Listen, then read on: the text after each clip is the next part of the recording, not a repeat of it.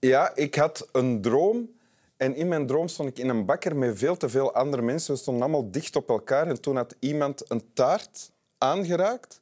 Maar ik moest schadevergoeding betalen daarvoor. Uh, om, omdat, zeiden de mensen dan, van, omdat jij geen schoenen aan hebt. Ja, je hebt geen schoenen aan. En, eh, dus ik wil checken van, is dat waar dat ik geen schoenen aan heb? Maar ik mocht niet naar beneden kijken. Uh, enzovoort. Ik wil maar zeggen, ik ben tegenwoordig liever wakker dan dat ik slaap. En vanavond ben ik wakker met uh, Dimitri Verhulst. Welkom in Winteruur. Ja, merci. Onze grote volksschrijver, Dimitri Verhulst. van wie volgend uh, jaar in mei een nieuw boek uh, ja, verschijnt. Dat klopt. Ja. Waarvan ik de titel al mag zeggen? Natuurlijk. Bechamel Mucho. en in hetzelfde jaar zal er ook een film uh, verschijnen die je hebt ik hoop, ik, ik, hoop het alleszins dat die in 24 uitkomt. Ja. Die zit nu nog in postproductie, maar ik verwacht wel dat die in 24 uitkomt. En die zal heten Waarom wettelen? Waarom wettelen. Ja. ja. En daarbovenop heb je ook nog eens een tekst meegebracht om voor te lezen Klopt. in Winteruur. Ja. Wil je die voorlezen? We gaan daarmee beginnen. Hè? Ja. Het gedicht is genaamd Arm. Mm -hmm. Stoor me maar opnieuw. Ik ben niet langer in mijn studeervertrek met kunst bezig. Mijn ogen gaan niet blinken als ik naar de bakker ga. Ik kan de afwas doen, je fiets herstellen, naar de autokeuring met je Fiat Panda. Hevig ontroerd word ik daar niet van. Stel me maar eens voor een rekensom te maken, naar een partijtje snoeker op tv te kijken of wat verveeld voor me uit te staren. Ik munt daar niet in uit, maar sla evenmin een slecht figuur. Ik ben gemiddeld oninteressant. Misschien, heel misschien dat ik me op een onbewaakt moment iets fraais herinner of een woordgrap maak die een mindere dichter niet zou laten liggen. Maar langer dan een ogenblik kan het beslist niet duren. Daarna ben ik weer een ademend meubel uit Ikea, vervelende kilometers autosnelweg, een potje yoghurt met gemengde fruitsmaak.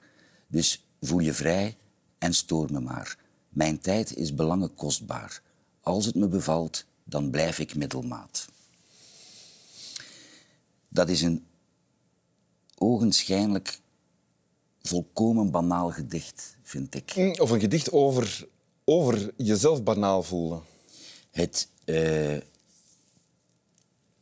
het verandert alles wanneer je de context van het gedicht kent. Want het is namelijk geschreven luttele dagen voor uh, Koenraad Goedeseunen zich liet euthanaseren. Konrad Goedesen is de auteur. Ja, dat is de auteur. Een paar dagen, dus dat is misschien zijn laatste gedicht? Het is niet zijn laatste, maar een van de, van de allerlaatste. Oké. En uh, ik vind dat heel uh, frappant.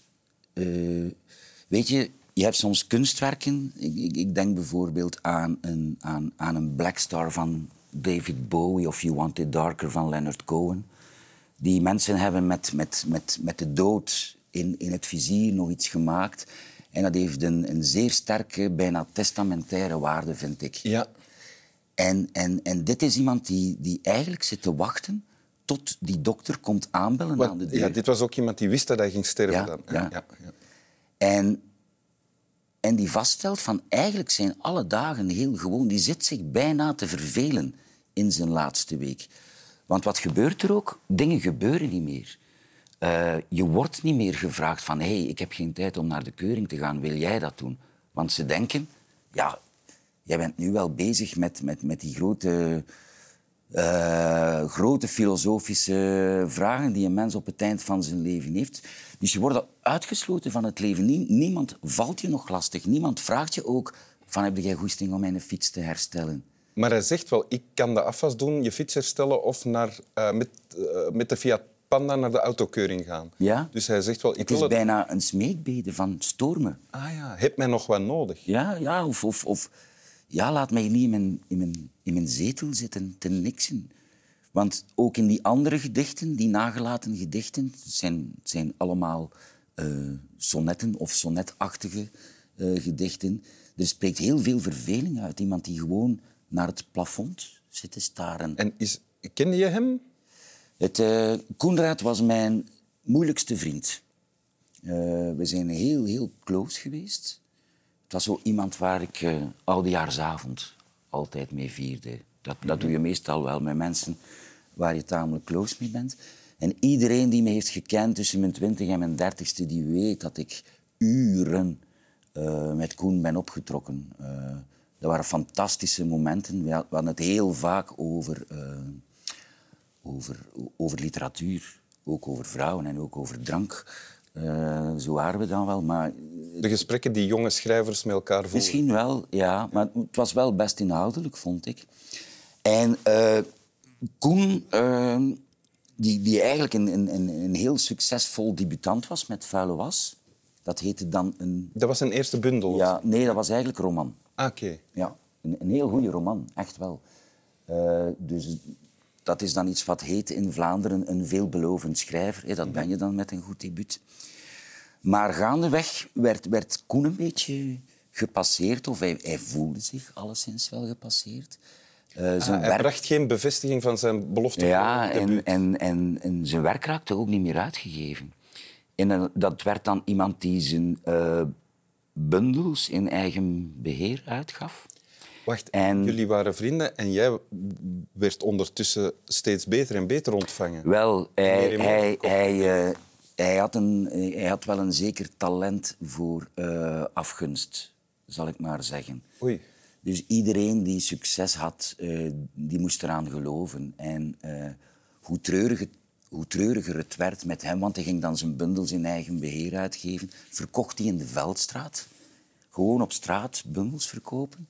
Dus het, het, het, begon wel schrijnend te worden, maar het, het voedde zijn afgunst zo hard. Ook tegenover jou dan? Zeker, zeker, zeker. Dus ja, we hebben een paar keer echt een zware ruzie gelegen. Het weer hersteld om dan weer in de ruzie te vervallen. Uh, het was mijn moeilijkste vriend. Ja. Maar jij kon het wel altijd opnieuw opbrengen om, ondanks de, eh, stel ik mij voor, onterechte verwijten ingegeven door afgunst, om hem opnieuw in de armen te sluiten. Ja, God, ik heb het een paar keer opgebracht.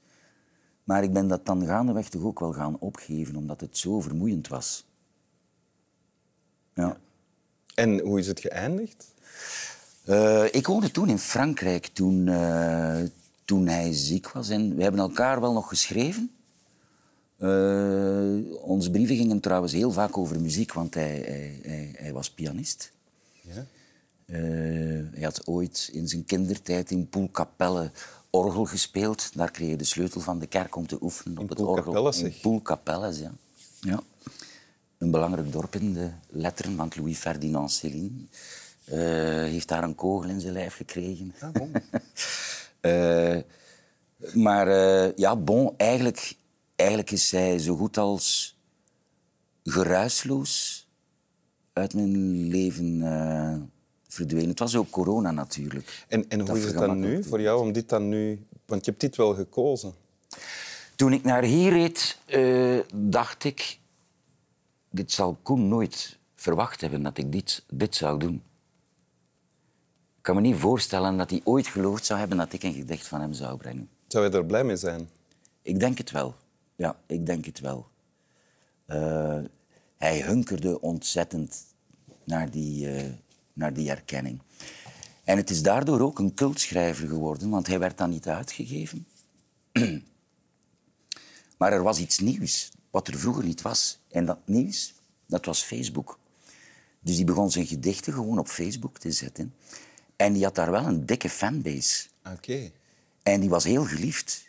En dat is echt de definitie van een cultschrijver. Dat is iemand met een grote fanbase, maar die niet gewaardeerd wordt door de officiële kritiek. Ja. ja. ik, heb nog zoveel te vragen dat mijn kop bijna barst. Ja, maar laat maar, maar daar barsten. Hebben, daar hebben we de, de, tijd niet voor. Wil je het nog eens voorlezen? Zeker. Ja, waar zat het nu ook alweer? is het voordeel bij laatste gedichten meestal van achter. ja.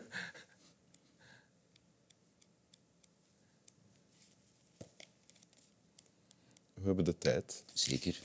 Goed. Stoor me maar opnieuw. Ik ben niet langer in mijn studeervertrek met kunst bezig. Mijn ogen gaan niet blinken als ik naar de bakker ga. Ik kan de afwas doen, je fiets herstellen naar de autokeuring met je Fiat Panda Hevig ontroerd word ik daar niet van. Stel me maar eens voor een rekensom te maken, naar een partijtje snoeker op tv te kijken of wat verveeld voor me uit te staren. Ik munt daar niet in uit, maar sla evenmin een slecht figuur. Ik ben gemiddeld oninteressant. Misschien, heel misschien, dat ik me op een onbewaakt moment iets fraais herinner of een woordgrap maak die een mindere dichter niet zou laten liggen. Maar langer dan een ogenblik kan het beslist niet duren. Daarna ben ik weer een ademend meubel uit Ikea, vervelende kilometers autosnelweg, een potje yoghurt met gemengde fruitsmaak. Dus voel je vrij en stoor me maar. Mijn tijd is belangen kostbaar. Als het mij bevalt, dan blijf ik middelmaat. Eigenlijk is dat ook een heel treurige eindconclusie, vind ik. Maar het is wel een eerlijke. Het, en ik, ik denk ook dat het heel prettig moet zijn om, om in alle eerlijkheid uh, te kunnen vaststellen dat je middelmatig bent. Als de aanvaarding van je eigen middelmatigheid, als die echt is, ja, dan, is het, dan is het wel mooi, vind ik. Vind ik ook. Ja.